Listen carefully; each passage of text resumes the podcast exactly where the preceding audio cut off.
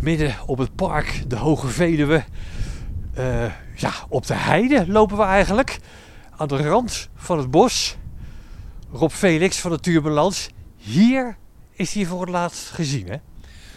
In het Nationaal Park Hoge Veluwe is dit de plek waar de laatste zadelspringkaan van het park uh, is gezien. Ja, in 2019 zat er nog één mannetje te zingen in een, uh, in een heidepol. Vlak bij de IJskokraam. En dat is de laatste die we hebben gevonden voor het, uh, voor het park de Hoge Veluwe. Ja. Dat klopt. En de zadelspringhaan is een hele bijzondere springhaan. Dat is een hele bijzondere springhaan. Hij is uh, sowieso ontzettend uh, ja, stoer om te zien. Een ontzettend coole soort. Heel plomp, groot. hij heeft geen, of hij, hij, heeft wel vleugels, maar hij heeft hele korte, schaalvormige vleugeltjes. Hij kan dus niet vliegen. En hij leeft maar op een paar plekken in Nederland. Hij is extreem zeldzaam. Hij staat ook op de rode lijst als ernstig bedreigd.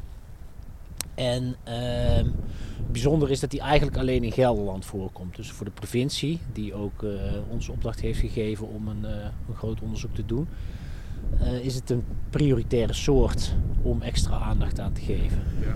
Die zadelspringhaan, ja, rode lijst, ontzettend zeldzaam, die willen we weer terug hebben. Maar waarom eigenlijk? Wat is het nut van een zadelspringhaan?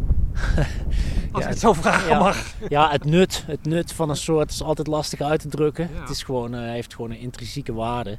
Hij is net zo belangrijk als een winterkoning en een kleine watersalamander in principe. Ja. Maar hij is gewoon ontzettend interessant omdat het gewoon een van die vele uh, bijzondere soorten is die ons land heeft. En uh, we zitten echt op het uiterste noorden van zijn verspreidingsgebied. En hij zingt leuk. Je hebt, uh, je hebt, misschien heb je wel ergens een geluid wat je kunt aflaten. Ja, ja, dat horen we nu ook al. Ja. Hoor je dat?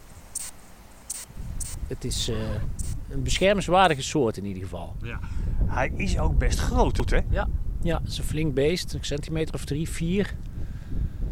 Uh, vrouwtjes die hebben er nog een lange legboor achteraan, dus die, dan, die zijn nog groter. En ze, ja, ze zitten ook echt boven in heidepollen of op kleine boompjes zitten ze op, uh, in de zomerdag zitten ze te zingen. Dat is heel karakteristiek voor, uh, voor mooie droge heidegebieden. Een centimetertje of 4, 5 groot, dus best wel een grote. Uh, en hij is herkenbaar aan dat schild in zijn nek. Ja, daar haalt hij zijn naam vandaan. De, de, de vorm van het halsschild is als een zadel. Hier is hij voor het laatst gezien. Wat is er nu mis met dit gebied dat hij hier niet meer voorkomt? De zadelspringhaan die, ja, die wordt bedreigd, zoals vele andere soorten van droge heide en van het zandlandschap in Nederland, door overmatig stikstof.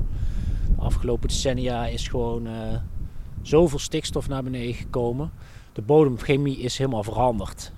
De bodem is en verzuurd, waardoor er allerlei grassen zijn gaan groeien, uh, waardoor er vermossing optreedt, waardoor de, de open kale plekjes in de heide verdwijnen onder een dik pak mos. En hier kan hij net op het noordelijkste puntje van zijn verspreidingsgebied kan hij overleven. Omdat juist op die droge heide met open zand er een warm microklimaat is.